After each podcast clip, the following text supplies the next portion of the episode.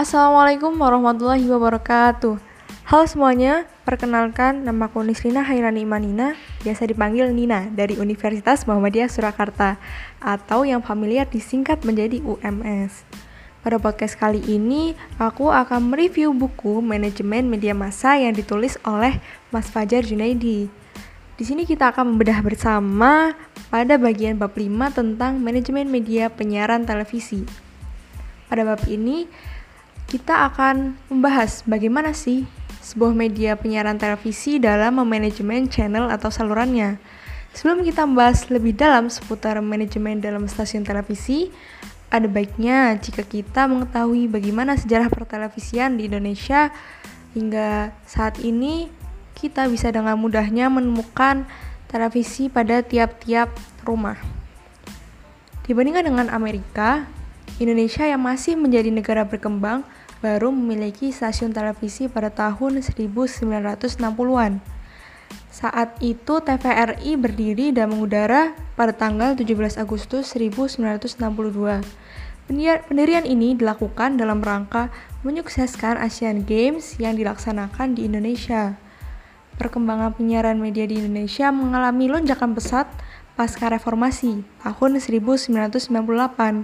Hal ini terjadi karena sistem politik yang sebelumnya otoriter di masa Orba berganti dengan sistem politik yang lebih demokratis dan pada akhirnya membuka kesempatan bagi berkembangnya media penyiaran di Indonesia.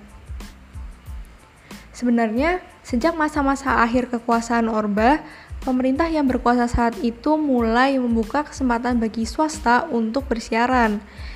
RCTI menjadi stasiun televisi swasta pertama yang mengudara pada tahun 1989. Keberhasilan RCTI ini kemudian diikuti oleh SCTV, Antv, Indosiar, TPI, dan berbagai stasiun televisi lain.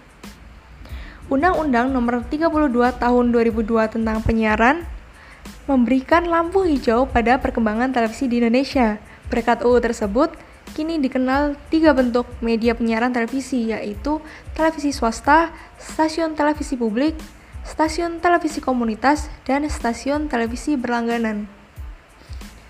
Keberhasilan dan kegagalan dalam bisnis penyiaran sangat tergantung pada manajemen dalam media penyiaran program televisi yang bagus dengan penonton yang banyak dan mendapatkan rating yang tinggi tidak bisa dilihat semata-mata sebagai keberhasilan karena hanya dari produksi program tersebut.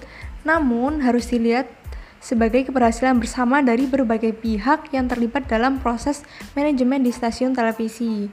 Tiap-tiap bidang saling berikatan dan melengkapi satu sama lain, sehingga jika salah satunya kolaps, akan mempengaruhi dinamika produksi siaran.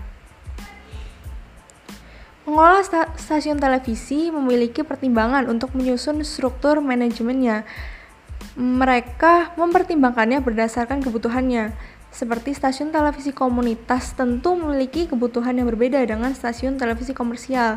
Begitupun macam stasiun televisi lainnya.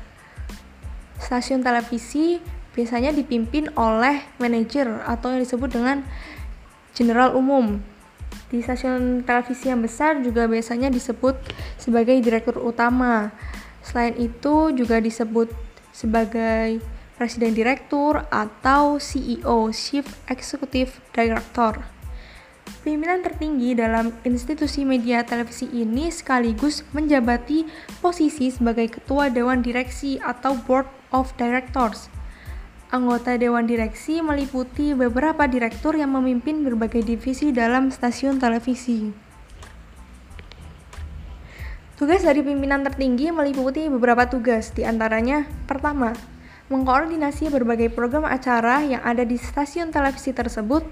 Kedua, harus dapat mengarahkan agar program acara yang ditayangkan itu diminati oleh pemasang iklan. Ketiga, memberikan arahan kepada seluruh karyawan agar mampu melakukan kerjasama antar berbagai divisi yang ada. Sebenarnya secara struktural tidak ada standar baku dalam manajemen stasiun televisi, karena seperti yang sudah disebutkan sebelumnya, pembentukan pembentukan struktur di dalam pembentukan manajemen di dalam stasiun televisi itu bergantung pada kebutuhannya. Secara umum, stasiun televisi dalam struktur manajemennya terdiri dari beberapa divisi atau bagian atau departemen, di mana masing-masing dipimpin oleh seorang direktur atau manajer. Direktur atau manajer ini membawahi beberapa asisten. Ada empat fungsi dasar dalam struktur organisasi media penyiaran televisi, yaitu teknik, program, pemasaran, dan administrasi. Pertama, bagian teknik itu mengemban tanggung jawab dalam menjaga kelancaran siaran dengan bertugas merawat peralatan yang ada agar selalu prima ketika digunakan untuk produksi program televisi. Sumber daya manusia yang berada di bagian teknik ini tentu saja adalah teknisi, karena mereka memiliki kemampuan untuk melakukan perawatan berkala pada peralatan audiovisual yang dimiliki oleh stasiun televisi. Selanjutnya adalah bagian program siaran. Bagian ini mengemban tugas untuk menyuguhkan program acara bagi halayak. Untuk itu, bagian ini harus mampu dan paham bagaimana cara melakukan penataan program atau programming siaran yang sesuai dengan keinginan halayak. Kemudian ada divisi pemasaran dan penjualan program televisi atau sell marketing Bagian ini memiliki tugas untuk menjual program-program yang dimiliki stasiun televisi pada pengiklan. Dengan demikian, bagian ini menjadi sangat penting atau vital bagi stasiun televisi swasta yang membutuhkan pendapatan dari iklan untuk menjamin keberlanjutan siarannya.